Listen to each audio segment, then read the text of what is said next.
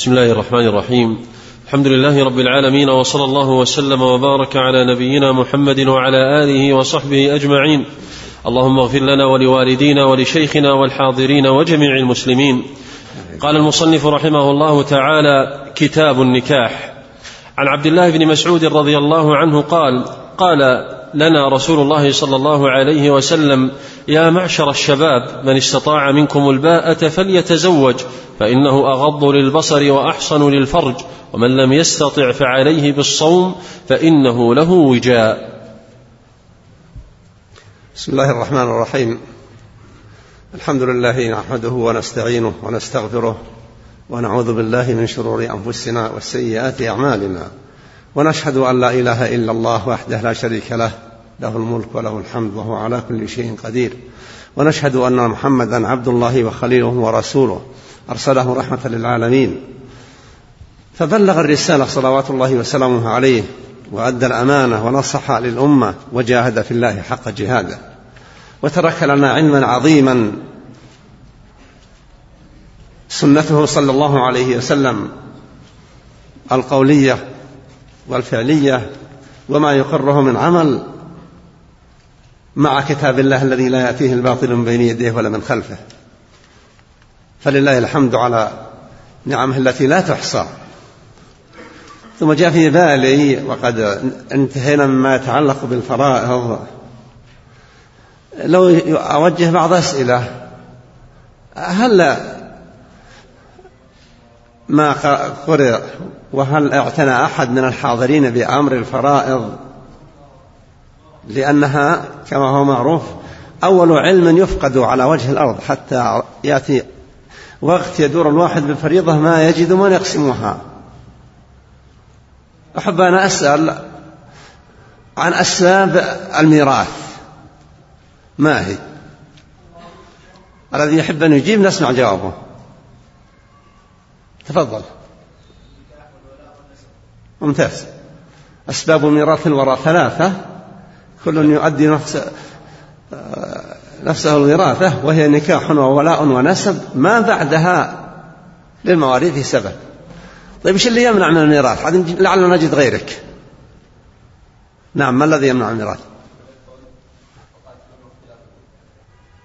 هذا صحيح.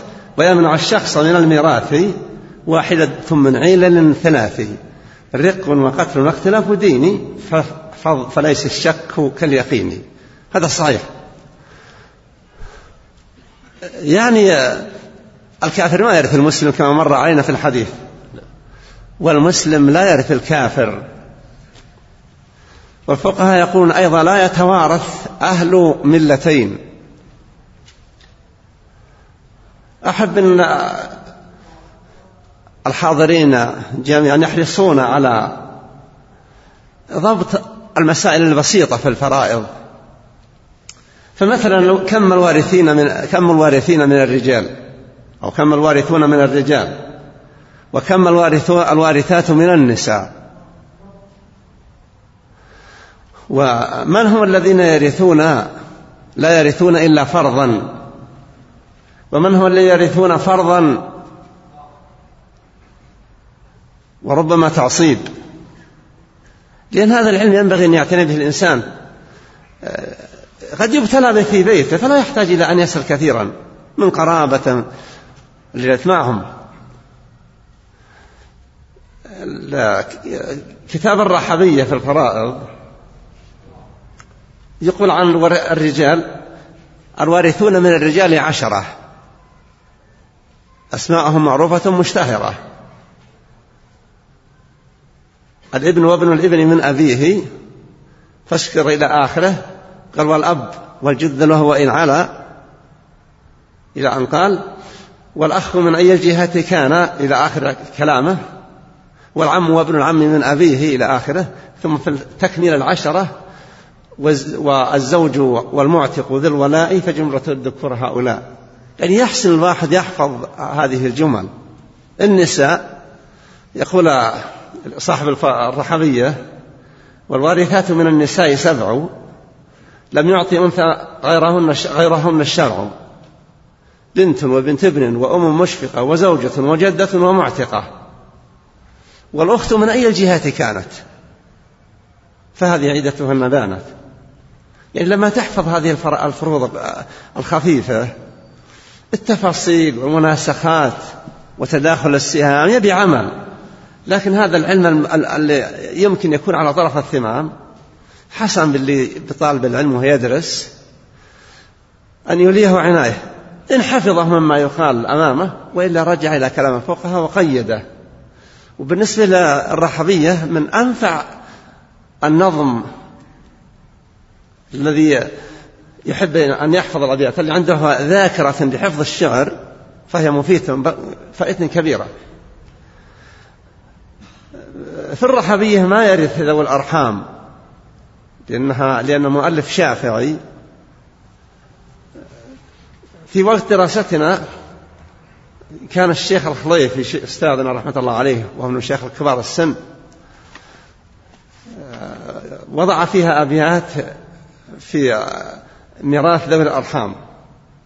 وأدخلها الشيخ عبد الرحمن بن قاسم رحمة الله عليه في حاشية الرحبية لأن الشيخ عبد الرحمن بن قاسم رحمة الله عليه كان له حاشية كان له حاشية على الرحبية وله حاشية على ثلاثة الأصول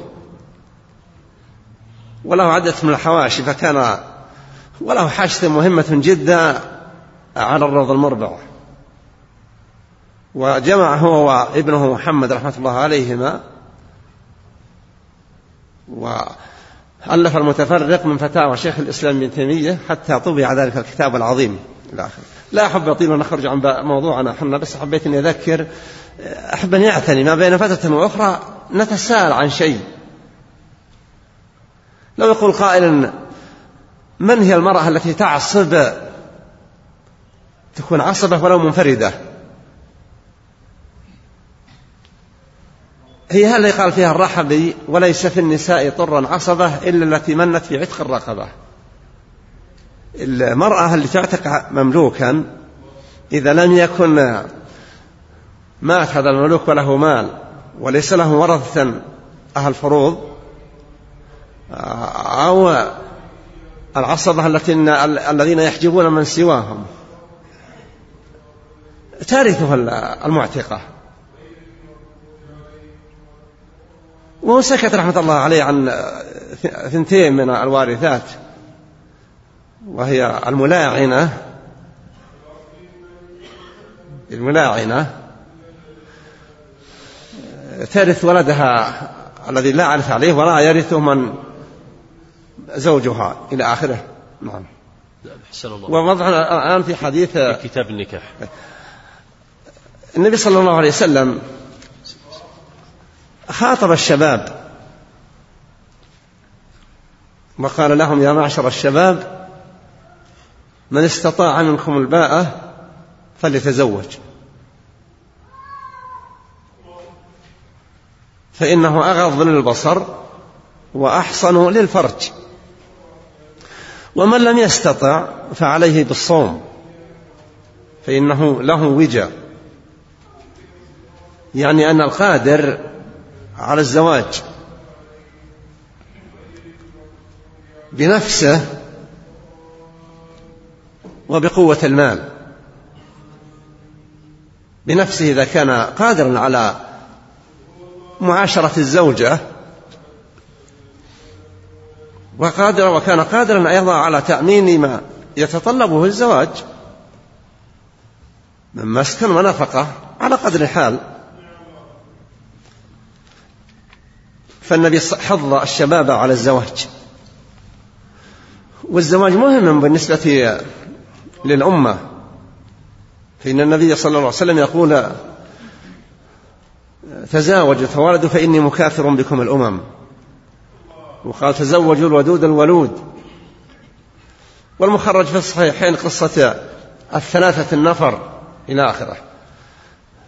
فألباء المقصود فيها قيل إنه الجماع وقيل إنه تأمين المقر للحياه الزوجية كما يقال باء إلى كذا أي رجع واستقر في كذا إلى آخره. لكن معناه ظاهر من استطاع منكم الباء فليتزوج فإنه أغض للبصر.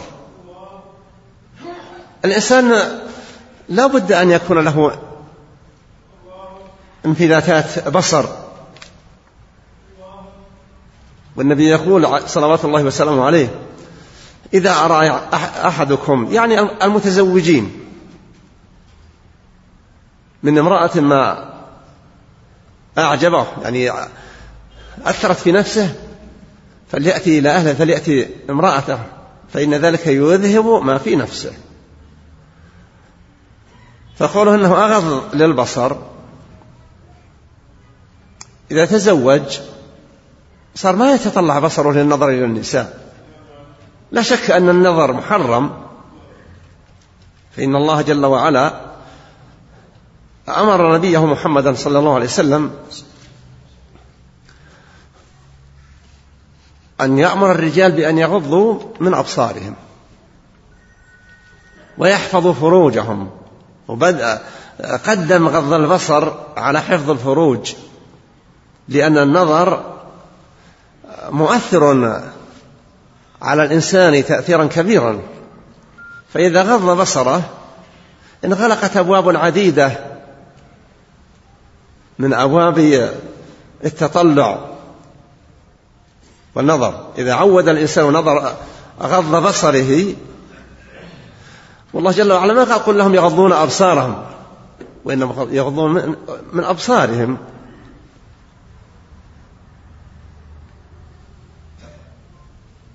وبين ذلك فلم يكثر بالرجال ويحفظ فروجهم. لما جاء إلى النساء وما فيهن من الفتنة والإغراء والخطر وأن الشيطان يغريهن وينفخ في صورهن في عيون الرجال ذكر ما ذكر في آية النور في هذا الباب. وجه محمد صلى الله عليه وسلم بأن يوجه النساء حتى فيما يتعلق بالملابس. فقال ولا يضربن بأرجلهن ليعلم ما يخفين من زينتهن. إلى آخره. فالنبي صلوات الله وسلامه عليه قال يا معشر الشباب من استطاع منكم الباء فليتزوج. ليبادر وهذه سنة الأنبياء. والنبي صلى الله عليه وسلم قال للثلاثة الذين استقلوا عمل النبي صلى الله عليه وسلم وقالوا لسنا كرسول الله صلى الله عليه وسلم. فأحدهم قال لا أنام أبدا في الليل. وآخر قال لا أتزوج النساء أبدا. وآخر قال أصوم فلا أفطر أبدا. وهم جاءوا وسألوا أزواج النبي عن عمل رسول الله. فاستدعاهم صلى الله عليه وسلم فأخبروه. فقال لهم عليه الصلاة والسلام مقولة اللي أظن الحديث سيأتي الله نعم. فالنبي بين قال لكني أتزوج النساء. ثم قال فمن رغب عن سنتي فليس مني. إذا الواحد حتى لو كان ما هناك رغبة رغبة شديدة في الزواج ينبغي أن يتطلع له إذا كان قادرا امتثالا لأمر رسول الله صلى الله عليه وسلم. ورغبة على الاتصاف بأنه يرغب عن سنة رسول الله. ولهذا توسع الفقهاء في الكلام فيما يتعلق بالزواج تزوج. حتى ولو لم يكن الإنسان مهتما اهتماما شديدا في الزواج ولو لم يكن يتطلع إلى العلاقة بالنساء ولو كان منقطعا للعبادة ينبغي أن يكون له اتجاه إلى تحقيق ما رغب به النبي صلى الله عليه وسلم من الزواج وتحقيق ما رغب به النبي عليه الصلاة والسلام من تزوج الودود الولود وأنه مكاثر بأمته الأمم يوم القيامة. يكون الإنسان عنده حرص على الزواج لتحقيق أمور عديدة من التشبه برسول الله صلى الله عليه وسلم. منها أن يكون زواجه كافا لبصره عن التطلع والنظر. إلى غير ذلك يحرص. ليعلم الواحد أنه إذا تزوج سوف يجد من الله جل وعلا عونا على تكاليف الزواج. لا شك أن المباهاة بالزواجات والإسراف في النفقات والتوسع في الولائم خلاف السنة. وجاء في الخبر عن النساء أبركهن أيسرهن مهرا. لكن مع ذلك ينبغي أن يحرص الواحد. ثم إذا أراد أن يتزوج يراجع سنة النبي صلى الله عليه وسلم. مما يراجع في سنة النبي صلى الله عليه وسلم ما يكون بداية الحياة الزوجية. وفي ذلك خير كثير عندما يتزوج الواحد. يمسح معصية الزوجة ويدعو الله أن يبارك له لهذا الزواج. وأن يجعلها عونا له على طاعة ربه جل وعلا وعلى أمر دينه ودنياه إلى آخره. ويصلي ركعتين وإذا أمكن أن يصلي سويا فهو حسن جدا إلى غير ذلك. يحرص على ما وصف النبي صلى الله عليه وسلم المرغبات في الزوجة. النبي يقول تنكح المرأة. وذكر أربع أمور. تنكح المرأة لجمالها ومالها وحسبها ودينها. تارة يكون الواحد يتطلع لذات الجمال والمظاهر المؤثرة في النفس والنفس تحب الشيء الذي يملأ الفؤاد غبطة فيقول النبي صلى الله عليه وسلم لما عدد هذه الأمور تنكح لمالها وجمالها وحسبها ودينها قال فاظفر بذات الدين. بين أن الغنيمة حقا أنها ذات الدين التي إن الكنز الغالي خير كنز يكنزها المؤمن المرأة الصالحة. التي إن نظر إليها سرت ليس معنى ضرته بأن الجمال باهر وإنما سرته بأخلاقها ومعاشرته لها ومعاشرتها له وإكرامه في خطابها. وما يؤسس ويبني قواعد الألفة فهي الظفر الحقيقي. النبي يقول إن نظر إليها سرت وإن أمرها أطاعت وإن غاب عنها حفظته حفظته في نفسها تكون صينة لنفسها. لا تتبذل ولا تظهر محاسنها أو تبدو متبرجة أو تقابل الرجال مكشوفة الوجه. لا شك أن وجه المرأة هو هو مركز الزينة. فإذا صار هذا الوجه مبذول للزوج ولغير الزوج. صار ربما وصل إليه يقول ذلك القائل.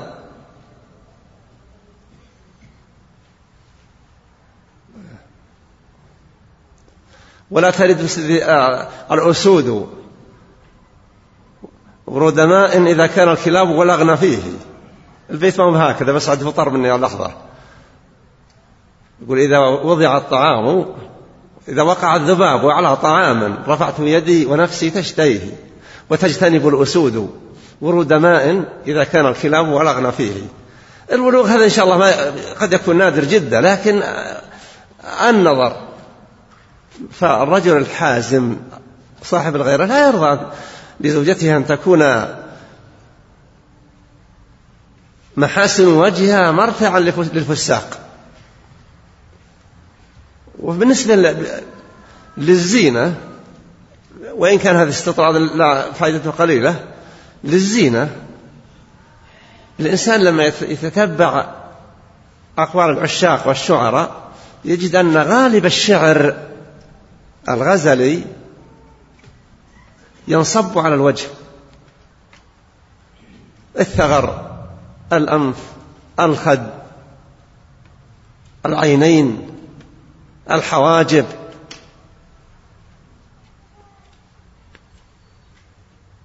غالب الشعر الغزلي يتوجه إلى هذا الشيء.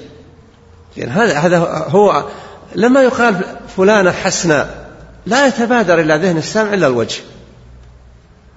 ولما يقال دميمة لا يقابل إلا الوجه. ولذلك الذي يتزوج يحرص على أن يختار الزوجة التي تكون نبتت في بيت ذي عفة وحياء وصيانة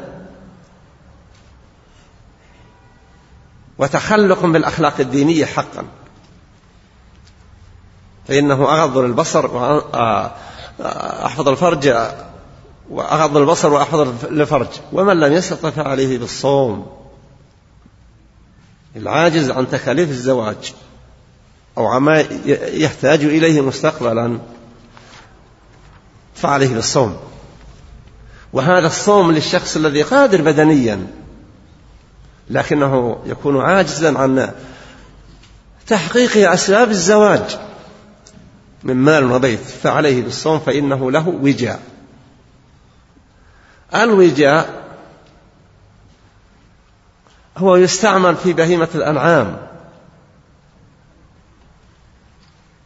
ذكور بهيمة الأنعام إذا رغب أهلها أنها تكتنز الشحم واللحم ولا تتعرض للنزو على إناثها يطرد خصيتا الفحل حتى لا يكون صالحا لا. النزو على بهيمة الأنعام. فيقول في خبر النبي صلى الله عليه وسلم أن الصيام وجاء للشخص يضعف رغبته وتطلعه إلى العلاقات التي تكون بين الزوج وزوجته في الجماع. فالنبي يرشد للشيء إذا تعذر تحقيق أسباب هذا الشيء.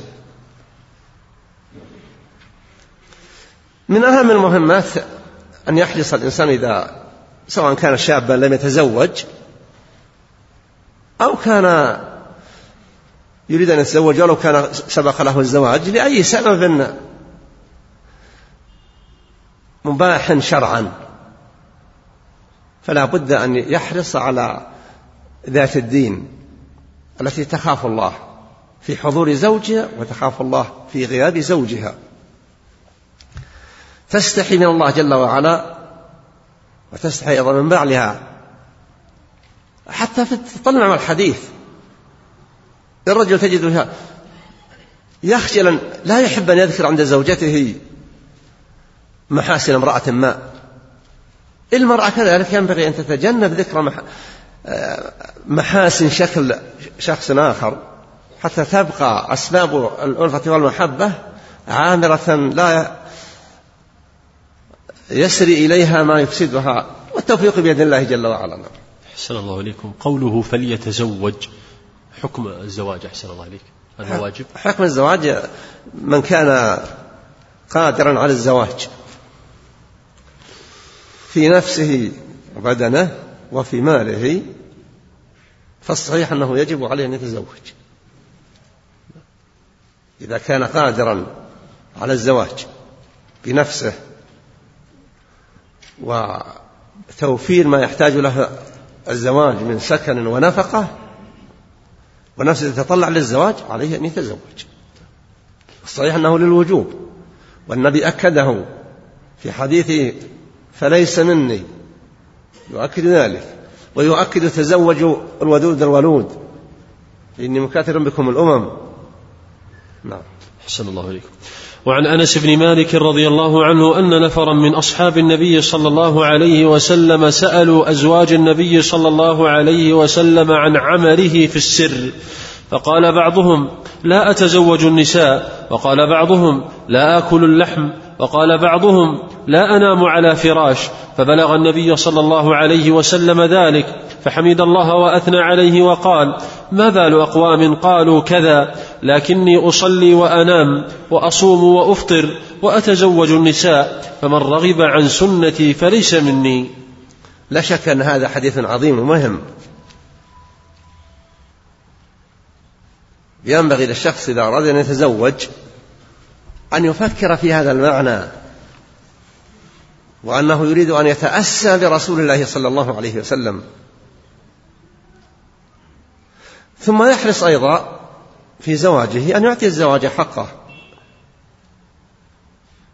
من حسن المعاشرة واللطف بالزوجة وعدم التقبيح تقبيح الوجه. وأن يتصور ما قال الله فيه في الزواج. جعل بينكم مود محب مودة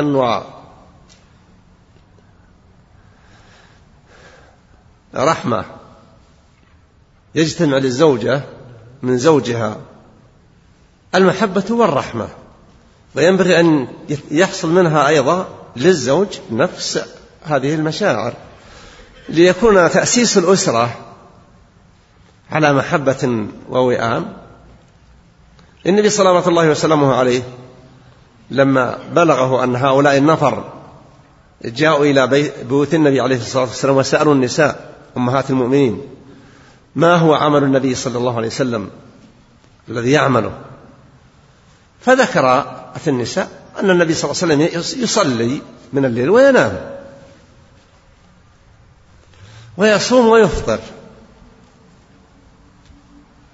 وذكرت أمهات المؤمنين ما يرينه من نبي الله صلى الله عليه وسلم.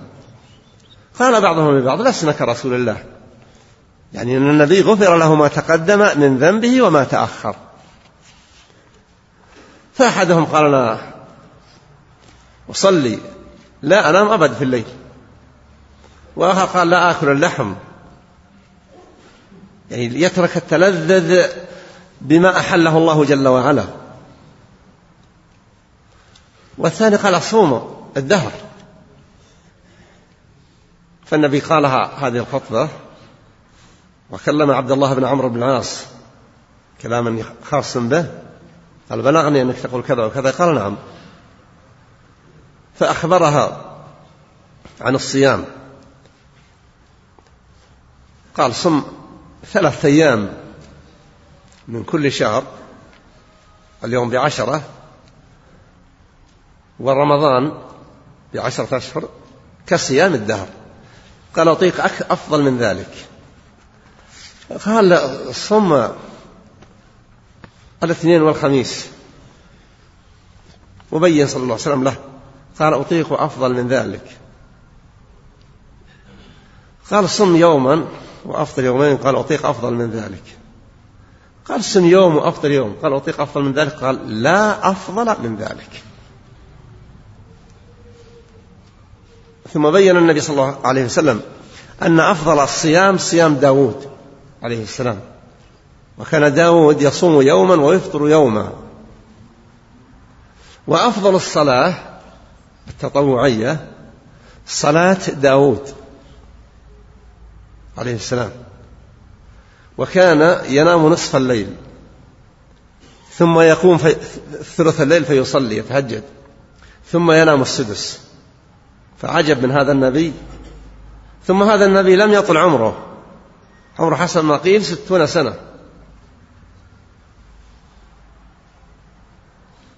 وكان فيما ذكر ذكر حسن الصوت جدا. حتى الطير إذا مرت وهو يقرأ في الزبور. تقف تستمع. ولهذا قال النبي صلى الله عليه وسلم مر من عند بيت أبي موسى الأشعري وأبو موسى يقرأ في القرآن صوت يسمع فوقف النبي يستمع لأبي, لأبي موسى الأشعري. ثم قال صلى الله عليه وسلم لقد أوتي أربع أبي موسى مزمارا من مزامير آل داود. ثم قال لأبي موسى لو رأيتني وأنا أستمع لك قال لو علمت بك لحبرته لك تحبيرا. هذا الحديث عظيم بالنسبة للاقتصادي في الطاعة. الإنسان ينبغي أن لا يسرف لكن أيضا ينبغي أن لا يقول أنا أكتفي بالفرائض ولا أصلي غيرها. لا شك أن الإنسان لن يحاسب على شيء من العمل, العمل تركه إلا الفرائض. ولهذا الحديث الصحيح الذي يسأل النبي صلى الله عليه وسلم. وسأله عن أسئلة كل ما سأل قال هل علي غيرها؟ قال لا. إلا أن تطوع قال في النهاية والذي بعثك بالحق. لا أزيد ولا أنقص. لكن من يضمن لنفسه أنه يؤدي الفريضة كاملة غير منقوصة؟ فإذا كان الواحد يصلي وربما لا يدرك من صلاته سوى العشر هذا العشر غير قادر على النهي عن الفحشاء والمنكر. الله ذكر أن الصلاة تنهى عن الفحشاء والمنكر. ونرى من فينا وغير في غيرنا أن الإنسان قد لا يتحاشى عن بعض الأمور ويصلي. لو كانت الصلاة تؤدى كاملة ولم يفت منها أعشار ولا أرباع ولا أخماس لنهت. لأن الله يقول إن الصلاة تنهى عن الفحشاء والمنكر فنسأل الله الهداية. نعم.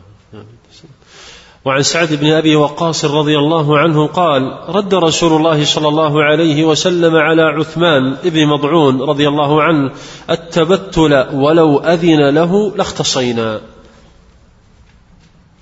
عثمان بن مضعون رضي الله عنه أراد أن يتبتل والتبتل هو عدم الزواج الا يتزوج. فرد النبي منعه من ذلك. عثمان رضي الله عنه. فسعد يقول أن النبي منع من التبتل. ولو أذن لاختصينا يعني قد يكون الواحد غير قادر على أن يتبتل. الناس تختلف أحوالهم. أحد يكون في علاقته بالزوجة يحتاج إلى شيء كثير من العلاقة وأحد دون ذلك وأحد دون ذلك. فسعد يقول لو أذن له بالتبتل يعني كان قد لا نقدر على التبتل. إذن لاختصينا. إلى جب الواحد خصيتيه حتى ما يتطلع لهذا الشيء. وسبق أن ذكرت أظني عندكم هنا قصة أبي هريرة. أبو هريرة رضي الله عنه لما أسلم وهو من جهة الجبال في منطقة عسير في بلاد دوس استأذن النبي صلى الله عليه وسلم أن يختصي فقير ما عنده مال ولا له زوجة وهو من أهل الصفة. تركه النبي فكرر مرة ثانية فترك كرر ثالثة. فقال له رسول الله صلى الله عليه وسلم يا أبا, يا أبا هريرة قد جف القلم بما أنت لاقي. فاختص أو دع يعني الأمر اللي يبي يحصل منك أو عليك هذا قد جف القلم به. فأعرض رضي الله عنه. ولم يفكر في الاختصام يوم قال له النبي قد جف القلم بما أنت لاقي هذا الحديث الصحيح. حديث ابن عباس اللي قال النبي وهو رديف خلف النبي صلى الله عليه وسلم على حمار قال له يا غلام وحادثه الحديث المعروف في الأربعين النووية. احفظ الله يحفظك. احفظ الله تجد تجاهك تعرف إلى الله إلى آخر إلى أن قال واعلم أن ما أصابك لم يكن ليخطئك وما أخطأك لم يكن ليصيبك إلى آخر الحديث. نعم. أحسن الله إليكم. وعن وعن أم حبيبة بنت أبي سفيان رضي الله عنها. بالنسبة للتبتل هو التبتل الامتناع عن الزواج. امتناعا تاما. هذا أيضا ما هو من سنة هذه الأمة أمة محمد صلى الله عليه وسلم. لأن أمة محمد هي آخر الأمم. والنبي صلى الله عليه وسلم أخبر أنه سوف يكاثر بأمته الأمم. ولذلك قال الله جل وعلا في أوائل السورة الواقعة ثلة من الأولين وقليل من الآخرين. ثم في بعد آيات نزل ثلة من الأولين وثلة من الآخرين. فصارت الأمة محمد تكاد تكون نصف أهل الجنة. لما ميزها الله به جل وعلا؟ من الخيرية. فالله يقول عن هذه الأمة كنتم خير أمة أخرجت للناس. تأمرون بالمعروف وتنهون عن المنكر وتؤمنون بالله. هذه الأمة بهذه الميزة العظيمة وكونها آخر الأمم وربما أن مدتها هي أطول مدة لأن الأمم السابقة ما بين فترة وأخرى يرسل الله جل وعلا رسولا إلى العباد. وإن كان الأغلب كما في حديث ابن عباس عرضت علي الأمم الأغلب أن أن أغلب كثير من الأنبياء لا يستجيب له أحد. كما رأيت النبي وليس معه أحد. لكن هذه الأمة كثر المؤمنون بمحمد صلى الله عليه وسلم ولم تمضي مئة سنة إلا ودولة أمته أقوى دولة على وجه الأرض في ذلك الوقت. ثم يطرأ عليها طرأ عليها ما يطرأ على الأمم والله المستعان. حسن الله إليكم. وعن أم حبيبة بنت أبي سفيان رضي الله عنها وعن أبيها أنها قالت يا رسول الله انكح أختي ابنة أبي سفيان. قال أو تحبين ذلك؟ فقلت نعم لست لك بمخليه وأحب من شاركني في خير أختي. فقال رسول الله صلى الله عليه وسلم إن ذلك لا يحل لي.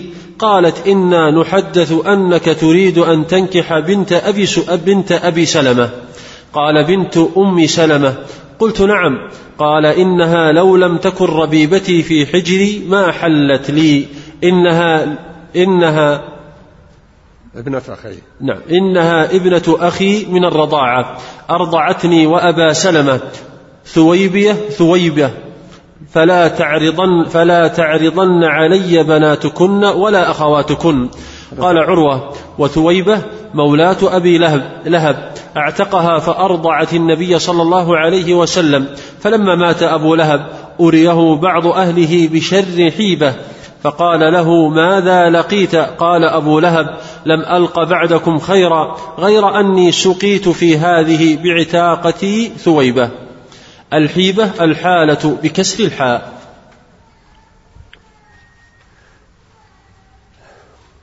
أم حبيبة زوج النبي صلى الله عليه وسلم أم المؤمنين رضي الله عنها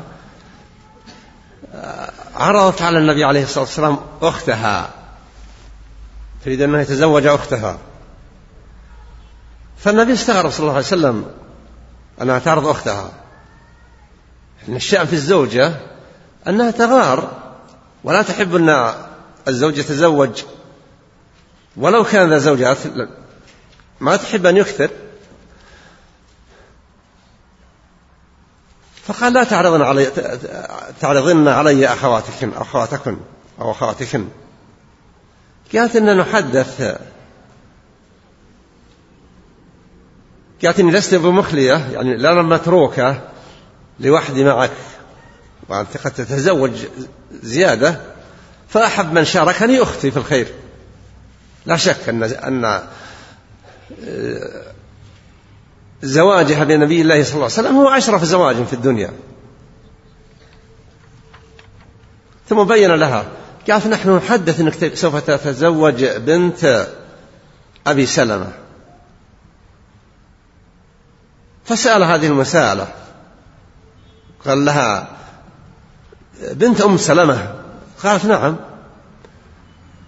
قال إنها لو لم تكن ربيبتي في حجري لأن ربائبكم لا في حجوركم لا, لا. ما حلت لي إنها ابنة أخي أبي آه، سلمة من الرضاع رضعتني وإياه ثويبة. ثويبة هذه كانت مملوكة لأبي لهب عم النبي صلى الله عليه وسلم. وهي التي بشرت أبا لهب بولادة النبي صلوات الله وسلامه عليه بأنه ولد. لعبد الله. ولد. فما كان من أبي لهب إلا وأن أعتقها. بسبب هذه هذا الإبلاغ الذي بلغته إياه. فصارت مولاة أبي لهب. أرضعت النبي صلى الله عليه وسلم ثويبة. وأرضعت أبا سلمة. ومعلوم أن الرضاع يحرم من الرضاعة ما يحرم من الولادة ما أدري في الحديث هذا موجود في كتابنا نعم. ها؟ أحسن الله إليك يحرم من الرضاعة ما يحرم من الولادة لا لا ما ذكر في هذا الحديث ها؟ ما ذكر في هذا الحديث. النبي ذكر أنه يحرم من الرضاعة ما يحرم من الولادة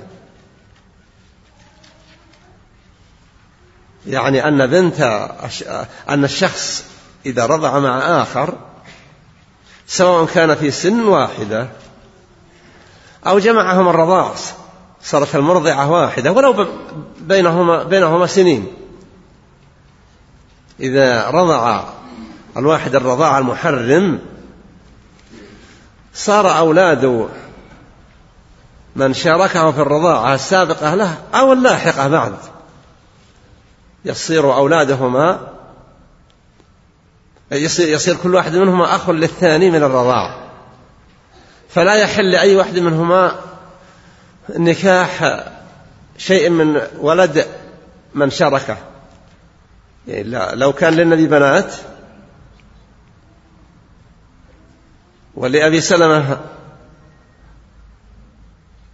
وأبو سلمة يريد الزواج ما حلت له لأنها تكون ابنة أخيه.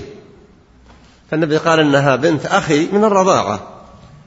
رضعتني وأبا سلمة ثويبة. ثويبة هذه التي أرضعت النبي صلى الله عليه وسلم وأبا سلمة. قال أبو لهب لما رآه أحد من أهله في المنام بعد موته ما لقيت؟ قال ما لقيت خيرا إلا أني أرضعت. أو سقيت. سقيت. وأشار إلى أصبعه عن طريق الأصبع. والحيبة يعني الحالة السيئة. ما لا شك أنه في حالة سيئة ويكفي ما نزل بحقه. من سورة تبت يد أبي لهب. في الرضاع المحرم هو ما كان في الحولين. الرضيع إذا رضع من امرأة رضاعا في الحولين قبل أن يتم الحولين يكون ابنا للمرضعة ولزوجها.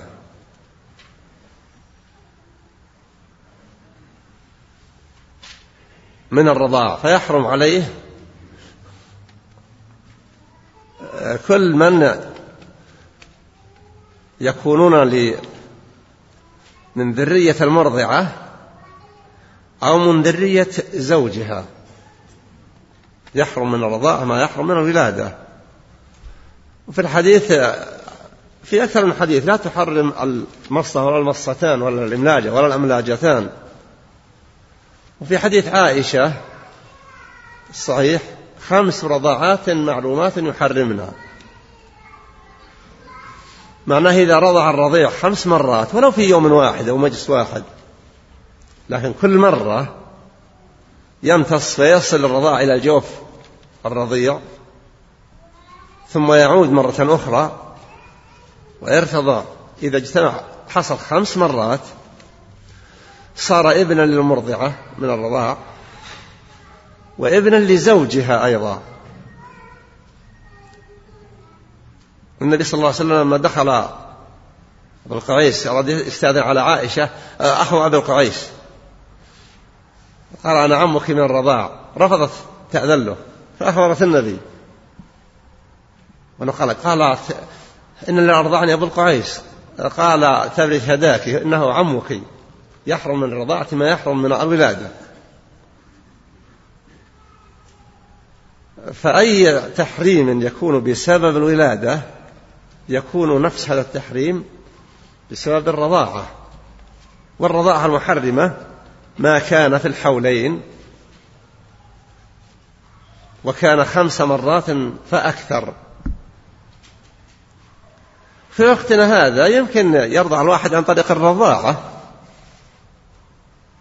تحلب المرأة من لبانها. فإذا رضع الرضيع ولو بالرضاعة بالقارورة خمس مرات متفرقة صار ابنا للمرضعة. هناك رضاعة قد لا يكون ابنا لها. شخص له أربع زوجات. ثم أرضعت واحدة طفلا مرة واحدة. وأرضعت الثانية مرة مرة. والثالثة مرة والرابعة مرتين. صار هذا رضع خمس مرات. صار ابنا للزوج وليس ابنا لواحدة من النساء. لكنه بالنسبة لشخصه ما دام أنه ابنا للزوج المرأة من الرضاع يكون محرما لهذه الزوجات. أحسن الله إليك. وعن أبي هريرة رضي الله عنه قال قال رسول الله صلى الله عليه وسلم لا يجمع بين المرأة وعمتها ولا بين المرأة وخالتها. هذه الشريعة العظيمة شريعة الإسلام جاءت بحماية الأسر بقدر المستطاع عن أن تكون هناك أحقاد وعداوات بين ذوي القربى. فحرم الله جل وعلا في كتابه الكريم من حرم بالنص حرمت عليكم إلى آخرة. ثم بين النبي زيادة ذلك أنها لا يصح نكاح المرأة على عمتها ولا على خالتها.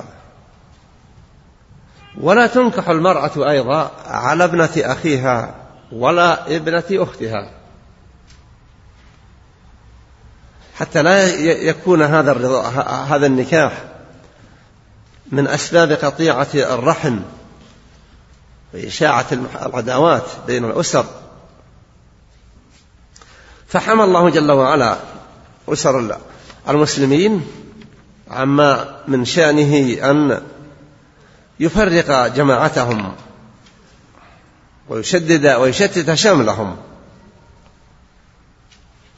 فمن ذلك ما فيما سمعنا من الحديث لا تنكح المرأة على عمتها ولا على خالتها. زوج العمة لا يحل له أن يتزوج بابنة أخيها ما دامت عمتها في ذمته. لكن لو طلقها طلق العمة أو ماتت العمة ساغ له أن يتزوج ابنة أخيها أو كذلك ابنة أختها. كما أنه لو طلق زوجته أو ماتت ساغ للزوج أن يتزوج أختها مع أنه بنص القرآن تحريم الجمع بين الأختين لكن هذا في الجمع وأما إذا حصل الفراق فلا تحريم في ذلك. أحسن الله إليكم. وعن عقبة بن عامر رضي الله عنه قال قال رسول الله صلى الله عليه وسلم إن أحق الشروط أن توفوا به ما استحللتم به الفروج. يعني الشروط التي لا تحرم حلالا كما في حديث بريرة الشرط اللي يحرم ما أحله الله ورسوله أو يحل ما حرمه الله ورسوله هذا شرط يكون باطل. كما قال أي شرط ليس في كتاب الله يعني لا وما يكون من الناس اشتراطات في النكاح. الشرط الذي لا يحرم حلالا ولا يحل حراما وإنما ينتفع بها المشترط ويلتزم بها المشترط عليه. من أوفى من ألزم ما ينبغي أن يعتنى به ما استحلت به الفروج. من هذه الشروط أن تشترط المرأة على زوجها شروطا إما مالية أو معاشرة أو رحلات عبادية فتشترط عليه أن يحججها أو أن يزيرها مسجد نبي الله صلى الله عليه وسلم ونحو ذلك. هذه الشروط اللازمة. أو تشترط عليه ألا ينقلها من بيت أهلها أو يسكنها في البلدة التي نشأت فيها ولا ينقلها إلى غيرها. أي شرط تم التعاقد عليه من هذا القبيل فإنه يجب. أو تشترط أن لا يتزوج عليها. فإذا اشترط أن لا يتزوج عليها فتزوج. هل هذا الشرط يبطل الزواج؟ أو, أو أن هذا الشرط يجعلها مخيرة إن شاءت رضيت وإن لم ترضى فتملك إلزام الزوج بالطلاق. أو أو الفسخ منه. لكن لو اشترط عليه أن لا تحمل. فهذا شرط باطل يخالف سنة النبي صلى الله عليه وسلم.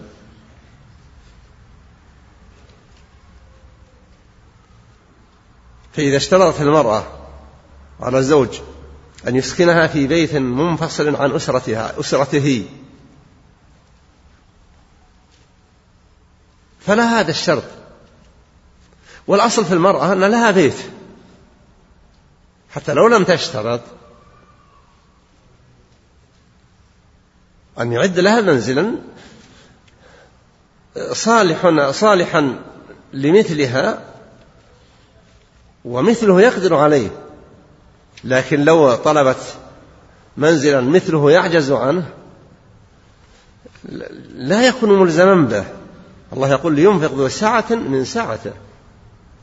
يعني الإنسان لا يكلف في الحقوق الزوجية ما لا يقدر عليه وإنما يجب عليه من الحقوق ما التزم به ومن الوفاء بالشروط الذي اشترطت عليه. أخذ يرحمك الله.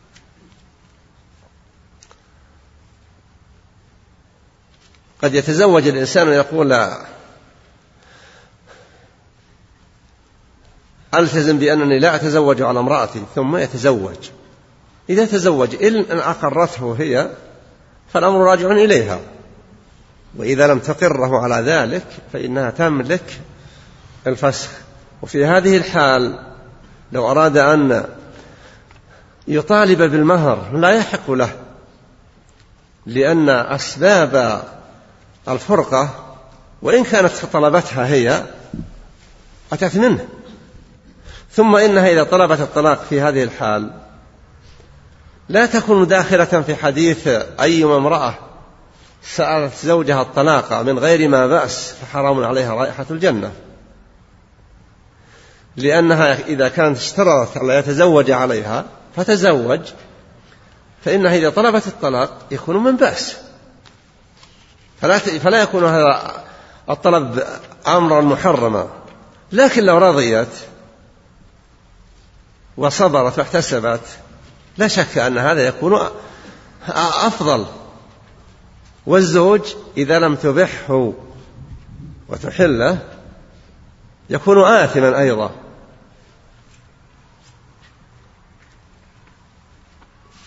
فالإقدام على تخطي الشروط المعتبرة شرعا مأثمة. ومع ذلك التنازل عن الحقوق أيضا من مكارم الأخلاق. لا شك أن الزوجين ينبغي أن يكون كل واحد منهما حريصا على الاتصاف بمكارم الأخلاق. أحسن الله إليكم. وعن عبد الله بن وعن عبد الله بن عمر رضي الله عنهما أن رسول الله صلى الله عليه وسلم نهى عن الشغار والشغار أن يزوج الرجل ابنته على أن يزوجه ابنته وليس بينهما صداق. هذا الوصف من كلام الصحابي رضي الله عنه. وكلمة الشغار يعني الشغور العقد عن المهر. الصحابي فسر معنى الشغار أنه هو الذي لا مهر فيه وإنما يكون بضع هذه مهرا عن بضع هذه. ولهذا يفرق بين الزوجين إذا كان الزواج شغارا وهو زواج محرم. أما إذا كان الزواج خطب الخاطب شخص. ابنة رجل. لابنها أو لأخيه مثلا. وقال نعم أنا لا مانع لكن أنا عندي ابن أريد أن أزوجه. إذا كنت تزوج ابني ابنتك فنحن نوافق. فيؤدي كل واحد منهما المهر الذي يؤدى لمثل الزوجة. في هذه الحال لا يكون ذلك شغارا لكن أيضا يشترط فيه رضا المرأة لأن عندنا لا تزوج البكر حتى تستأذن ولا الثيب حتى تستأمر. فلا يقول قائل تجبر وتكره أبوها يزوجها ليتمكن من تزويج أخيها من بنت هذا الرجل لا. الأمر الراجع لها هي. إن رضيت فلا بد من صحة النكاح من من المهر الذي يبذل من مثل هذا الخاطب لمثل هذه المرأة. وأما إذا كان الزواج كل واحد يقول نتكفل بما يلزم وأن تكفل وينتهي الأمر لا المهور أصلها للنساء. المهر للمرأة وليس لأبيها ولا لأمها. لكنه في هذه الحال أيضا إذا أريد تكلفة الزواج هو في الحقيقة من مهر المرأة من حيث الوجوب. يعني ما يجب على الأب أن يقيم وليمة لعرس ابنته أو لولد لابنه. إلا أن هذا تحكمه مكارم الناس وأخلاقهم لكن من حيث الوجوب له وضع آخر. فالشغار إذا كان بدون مهر المثل يعني المهر الذي يلزم منها مثل هذا الخاطب لمثل هذه المخطوبة فهو فهو نكاح باطل ويفرق بينهما. أحسن الله إليكم. وعن علي بن أبي طالب رضي الله عنه أن النبي صلى الله عليه وسلم نهى عن نكاح المتعة يوم خيبر وعن لحوم الحمر الأهلية الأنسية. نترك هذا الأسبوع الذي يأتي إذا كان يأتي في الأسبوع القادم نعم. إن شاء الله. تعالى لأن هذا وأنا كنت وعدتكم ان بكتاب آه، عن الشيعة. وكنت عازم اجيبه معي اليوم ولكنني شغلت عنه. الأسبوع القادم إن شاء الله. ولا أدري كم عددهم. مئة مئتين مئتين نسخة. بذمك يصير. إي لا. أجل 300 يا شيخ. ها؟ عشان تبرأ الذمة 300 نقول. نعم. ما شاء الله. ستر والمزكين. على كل حال بحول الله. إن حبيت يجيكم قبل. زين. آه، شيخ يوسف يدبر الموضوع وهو يكون جاهز عندي. إن شاء الله. إن شاء الله. أحسن الله. وإن بغيت يقعد إلى الأسبوع القادم. إن بقينا أحياء فهو مناسب. نعم إن شاء الله. تعالى طيب. أحسن الله إليك يا شيخنا.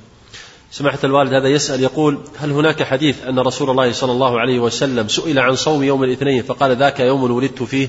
وهل يدل هذا الحديث على مشروعية صيام يوم الاثنين فرحا بمولد رسول الله صلى الله عليه وسلم؟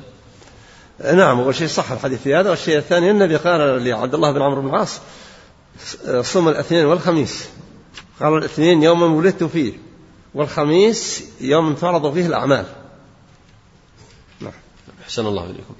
إذا طلق الرجل زوجته هل تحرم عليه عمته أم تحل ويحل السلام عليها؟ عمتها؟ عمته يعني كان أمها. أم الزوجة إذا كانت الزوجة دخل بها أو لم يدخل بها فالزوج محرم لها. الربيبة هي التي إذا لم يكن دخل بأمها لا تحرم عليه. الله لما ذكر رفق الربائبكم التي من حجوكم من نسائكم التي دخلتم بهن فإن لم تكونوا دخلتم بهن إلى آخره. فالربيبة يشترط لها الدخول. لا تحرم إلا بحصول الدخول. وأما أم الزوجة فزوج ابنتها محرم لها. دخل بابنتها أو لم يدخل. ماتت ابنتها أو لم تمت. طلقها أو لم يطلقها. أحسن الله إليكم. يقول إذا رضع الطفل من سيدة وكانت السيدة متزوجة من رجل متزوج من غيرها فهل هذا الرضيع محرم على كل محرم أولاد محرم. محرم. محرم. نعم هو حاط ميم ضمة. محرم على كل أولاد الرجل من كلا الزوجات أم الزوجة المرضعة؟ الرضيع الذي رضع من امرأة. ذات زوج. يكون إخوة يكون أخا لأولادها من زوجها التي أرضعته وهي في ذمته. ويكون أخا لأولاد زوجها من غيرها. ويكون أخا آه، لأولادها السابقين عليه من زوج آخر. أحسن الله إليكم. يقول هل يجوز تركيب أسنان لشاب هو الذي تسبب في فقد أسنانه بسبب عدم عنايته بها؟ علما أن هذا الشخص قد يغير كل أسنانه وهل هذا من تغيير خلق الله؟ لا هذا ليس من تغيير خلق الله. يكون يأتي بأسنان فسدت أسنانه بأي سبب أو وقع عليها شيء أو وقع هو على شيء فتكسرت أسنانه. إن شاء الله لا حرج في ذلك. وبالنسبة للرضاع الناس في الوقت الحاضر قلت حاجتهم الضرورية للرضاع. فيحسن ألا يتوسعوا في الإرضاع إلا إذا تعذر على الطفل أن يتغذى إلا برضاع امرأة. ثم أن أيضا أكثر النساء لا ترضع الأطفال في الوقت الحاضر. وإن كان هذا ليس من الأمور الصحية بل يكون مضرا بالمرأة وغير نافع أيضا للطفل. ثم أيضا التحرز إذا حصل الرضاع ينبغي أن يشهر يعلم. حتى لا يحصل الزواج ثم يفرق بين الزوجين. قد يزوج شخص من فتاة تجمعها معها تجمعه معها رضاعة من امرأة ما أو من أمها أو من أمه هو. يعني يحصل إذا صار في أحد الرضاع أن المرأة تخبر أن فلان رضع من فلانة الرضاعة المحرم اللي هي خمس مرات فأكثر. لأنه كم من مرة يحصل تفريق بين زوجين بسبب الرضاعة نعم. أحسن الله إليكم. قل بعض طلبة العلم يحتجون أو يحجمون عن الزواج بدعوى أنه يلهي عن طلب العلم ويحتجون بأمثال شيخ الإسلام ابن تيمية رحمه الله. أنا ما أجبت على السؤال الأول. بلى يا شيخ. وشو؟ اللي هو كان تركيب الأسنان يا شيخ. خلاص. نعم هذا يسأل يقول بعض طلبة العلم يحجمون عن الزواج بدعوى أنه يلهي عن الطلب ويحتجون بشيخ الإسلام وغيره من الأئمة. شيخ الإسلام رحمة الله عليه لا ندري لماذا لم يتزوج. هل جاءهم خبر أنه كان حريصا على الزواج أو كذا أو كذا؟ القدوة محمد صلى الله عليه وسلم. وما سواه لا يحتج به. فمحمد صلى الله عليه وسلم قال من رغب عن سنتي فليس مني. ثم كثيرا ما تقع فواحش ومشاكل بسبب التقهقر عن الزواج المبكر. لا شك أن الزواج المبكر مفيد للمرأة ومفيد للرجل. والمرأة كلما كان الزواج مبكرا كان ذلك أنفع لها وأصح حتى في الطب. وإن كان الذين يحبون أن يغربوا الأمة إلى الاقتداء الغربي يشنعون على الزواج أو تزويج الفتاة التي لم تبلغ سن كذا ولا سن كذا. وشخص من طلبة العلم يقول لا لعلها عائشة يمكنها رضيت. الزواج تحريم الزواج بتحديد سن محدد لا شك أنه ليس مما يحمد عليه من يفعله. النبي تزوج صلى الله عليه وسلم عائشة قبل أن تتم تسع سنين. وإنما بنى بها لما أكملت التاسعة. ولا شك النبي لا يقاس عليها أحد. عمر بن الخطاب تزوج أم كلثوم بنت فاطمة بنت علي بن أبي طالب. في خلافة عمر رضي الله عنه. وهي صغيرة. لم تبلغ خمسة عشر سنة. والزواج مشتهر في عهد الصحابة أنه لا حد لأقل ثم الفقهاء صرحوا بتزويج الصغيرة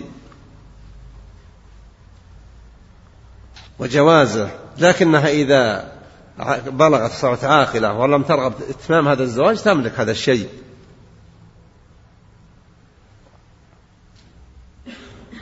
ونسأل الله نسأل الله جل وعلا أن يحبط كيد كل من يريد أن يتدخل في الأحكام الشرعية. نعم. آمين آمين. أحسن الله إليكم.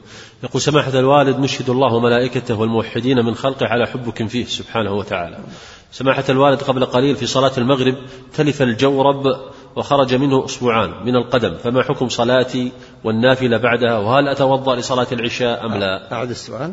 يقول تلف جوربي وخرج منه أسبوعان في صلاة المغرب من القدم. فما حكم صلاة والنافلة؟ وهل أتوضأ لصلاة العشاء؟ أسأل الله جل وعلا أن يجعلنا وإياكم جميعا من المتحابين فيه. وأن ينفعنا بذلك في حياتنا وآخرتنا. وأن يصلح حالنا وحالنا بلادنا وحال المسلمين في كل مكان. وجود خارقا في الجوربين. هو لا شك أن الواحد ينبغي أن يتعاهد نفسه. لكن إذا وجد شيء من هذا لا يقال بطلت الصلاة. ولا الصلاة التي صلاها لا يقال أعدها. ومعلوم أن الصحابة رضوان الله عليهم لم تكن خفافهم على مستوى من الدقة والصيانة وعدم الخروق وإنما أشاروا إلى أن الخف الذي يثبت ما يسقط من القدم يكون هكذا. ومع هذا ينبغي للواحد أن يعتني يتفقد جوانبه. عند لبسها. نعم. أحسن الله إليكم. يقول سمعت أن من يرفع يديه بعد صلاة الفريضة أو النافلة للدعاء أن ذلك بدعة. فهل هذا صحيح؟ لا هذا ليس بصحيح من حيث الجملة. لكن ينبغي للواحد من لا يكون كل ما صلى ركعتين رفع يديه وكل ما سلم فريضة رفع يديه. هذا لم يثبت أن الصحابة يفعلون هذا الشيء. إذا أراد الواحد أن يتوجه للدعاء ويدعو بدعاء برغبة وطلب فرفع اليدين سنة. وفي الحديث الصحيح إن الله حديث رب أشعث أغبر يطيل السفر يرفع يديه. يا رب يا رب. رفع اليدين في الدعاء من مظنة الإجابة أسباب الإجابة. لكن كون واحد تدخل أنت وإياه المسجد فإذا سلم من الركعتين تحية المسجد رفع يديه وربما مثل لمح البصر. الدعاء إذا أراد الواحد أن يدعو يتجه للدعاء ويتصور ما سيطلب وما سيعتذر به قبل الدعاء. الدعاء النافع أن يسبقه ثناء على الله وتمجيد له واعتذار منه. ثم يطلب. ومع ذلك دعاء العبادة أشرف من دعاء المسألة نعم. أحسن الله إليكم يقول ما هو الحل أو المخرج لمن تزوج لمن, تجو لمن تزوج زواج شغار وله أبناء في هذا الزواج إذا كانت رضت الزوجة واستقرت الأمور وكان قد بذل مهر فإن شاء الله حرج وإن كان المسألة لا لا وجود مهر يحسن أن يكون بينهما تجديد عقد النكاح ومهر ويرضي الزوجة. والأمر ما دامت بينهما أولاد لابد سيكون على مستوى السهالة والتسهيل. نعم. أحسن الله إليكم. يقول أنا في السنة التاسعة عشر من عمري وأريد الزواج ولكن كل يقول لي أنني صغير ولا أملك وظيفة فماذا أفعل؟ حفظك الله. إذا كان والدك بيهيئ لك السكن ونفقة الزواج. ويسر لك هذا الأمر فتوكل الله وتزوج. النبي صلوات الله وسلامه عليه أنصح الخلق للخلق. وأتقاهم لله جل وعلا. وأبرهم في كل خير. وقد مرنا هذا الحديث العظيم. من استطاع منكم الباء. نعم.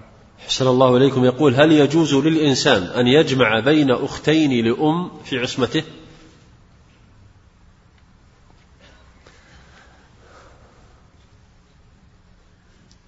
يا خراء حرمت عليكم في سورة النساء وراجعنا يوم ثاني حسن الله إليكم. يقول بعض طلاب العلم وبعض الناس يتجهون إلى تنظيم النسل باتخاذ بعض الأسباب معتذرين بصعوبة التربية والنفقة. فما توجيه سماحتكم أحسن الله إليكم. صاحب السؤال حتى ما كلفه البحث ما دام أنها أنهما أختان من الأم ليست القرابة ثابتة؟ بس لو ماتت هذه ولا وارث لها إلا تلك أنها ترثها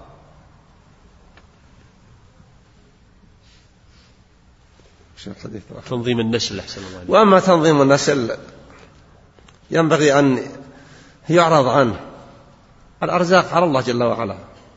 ثم إن الواحد لما ينظم النسل هل عنده ضمانة أيضا أن هؤلاء الذين ولدوا سوف يبقون أحياء؟ هل يسيء الظن بربه جل وعلا أنه لا يرزق؟ والله يقول وما من دابة في الأرض إلا على الله رزقها. الله يقول إن الله هو الرزاق ذو القوة المتين.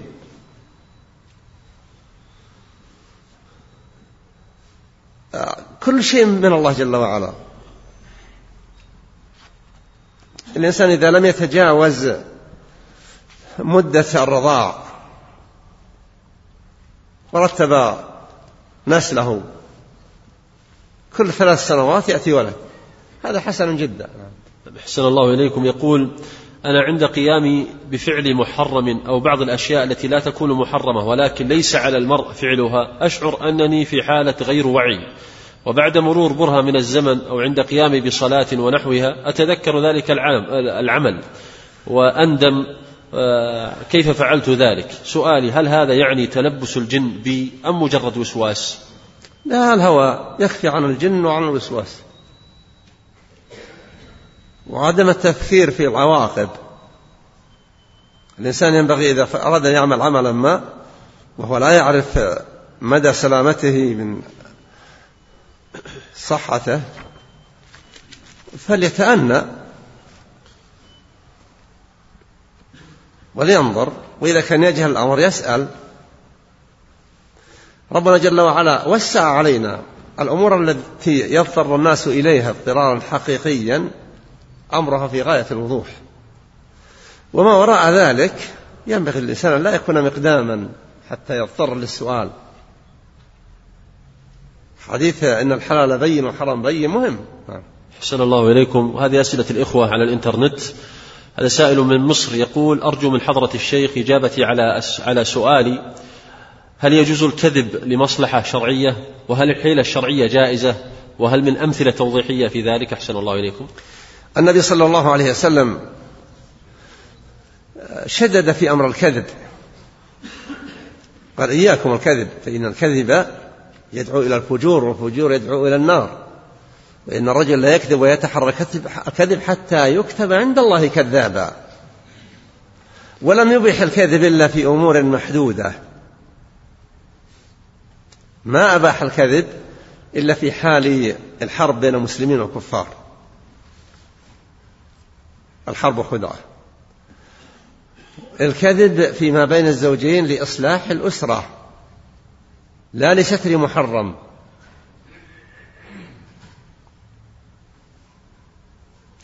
الكذب للإصلاح بين المتخاصمين سواء كان المتخاصمون جماعات أو أفراد. ينقل خيرا من هذا وينقل خيرا من هذا حتى استل ما في النفوس من أضغان وما سوى ذلك من كذب فالكذب كله محرم حتى في المزاح. السلف كان واحد منهم ينفر من الكذب على الدابة. أحد العلماء راح يطلب الحديث عند أحد الرواة وإذا به يشتري لبغلته الشيخ كأنه يريد أن يوهمها أنه أن معه بيد شيء تأكله ثم أمسكها. فأعرض هذا طالب العلم. عن الرواية عنه. قال الذي كذب على الدابة يقدر يستطيع أن يكذب علي والمرة اللي قالت لابنها في عهد النبي صلى الله عليه وسلم تعال أعطيك. قال ما كنت معطيته. يقول النبي. قالت تمرة. قال مع أنك لو لم تفعل لكتبت عليك كذبة. نعم. أحسن الله إليكم. وهذا يقول أحسن الله إليكم ما حكم الهدية التي أخذت على عقد فاسد وقد تيب منه. هل يجب التخلص منها أم يجوز الانتفاع بها؟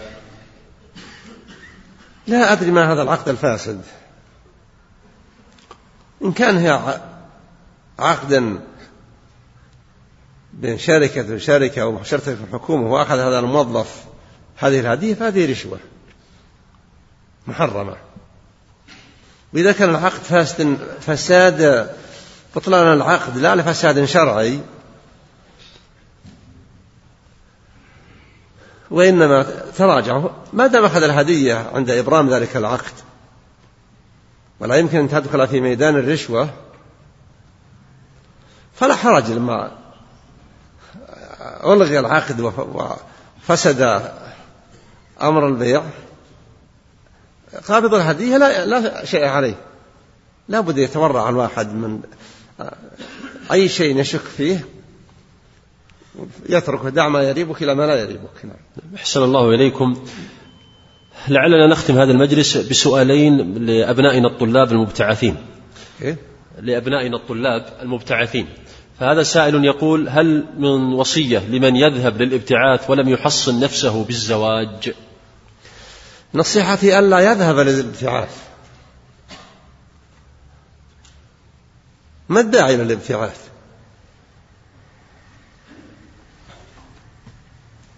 هل سيطلب علما لا وجود له في الدنيا إلا عند هذه الدولة الكافرة؟ وسيطلب علم البلاد في أمس الحاجة له؟ ولا يمكن أن تستعيض إلا بهذه البعثة؟ المسلم لا يحل له أن يذهب ليقيم بين الكفار سواء كانت الإقامة إقامة طويلة الأجل أو قصيرة. إلا من أمور ضرورية. شخص مريض لا يجد علاج. ويريد أن يتعالج وإلا فإن العلاج ليس بواجب. العلاج جائز جائز جوازا. ولهذا الذين لا يكتوون ولا يسترخون ولا يتطيرون وعلى ربهم يتوكلون يدخلون الجنة بغير حساب. لكن الله لم يحرم علينا الدواء. ولم يحرم علينا طلب الرقية ولا أن نرقي والكي النبي كرهه ولم يحرم تحريم. هذه الأسفار للخارج هي في الغالب لا تأتي بخير. وين وجد نادر من ينفع يكون داعى يدعو إلى الدين وينفع الله به.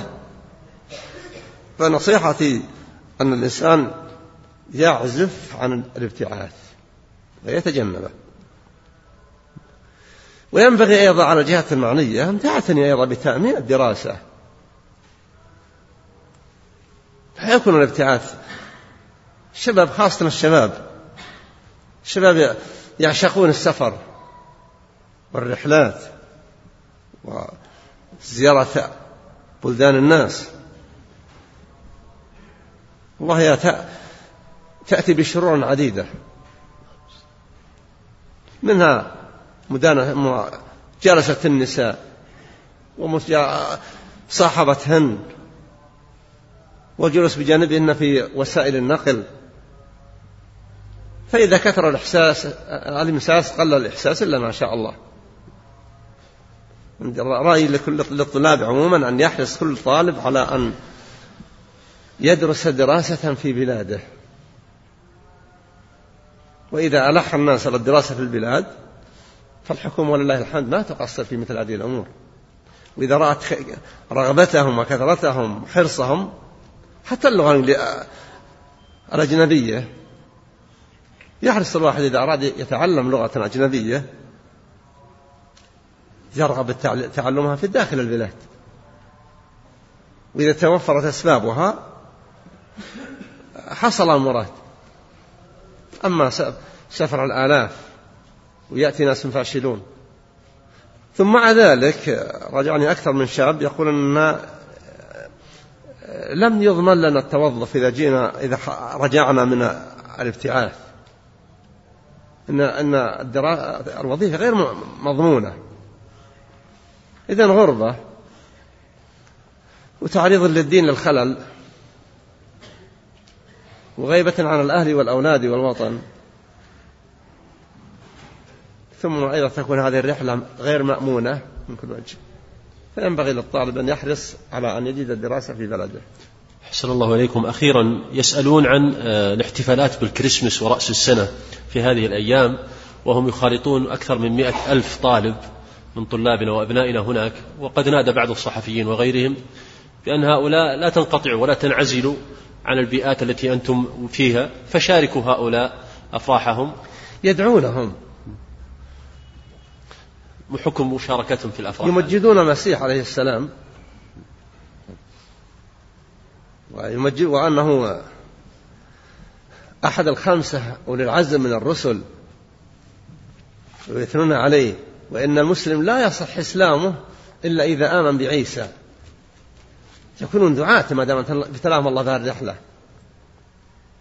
ويترضون عن أمه مريم. وأما أن يشاركوهم في الفرح ينبغي أن يتجنبوا ذلك. وإذا فرض لا بد من ذلك فليدخلوا هذه المداخل هذه. وإن في الدين الإسلامي لا لا, لا توضع أعياد للأفراد. وإنما الأعياد في شريعة الإسلام المعتبرة إنما هو عيد الفطر وعيد الحج عيد الأضحى. صلى الله وسلم على نبينا محمد. صلى الله إليك.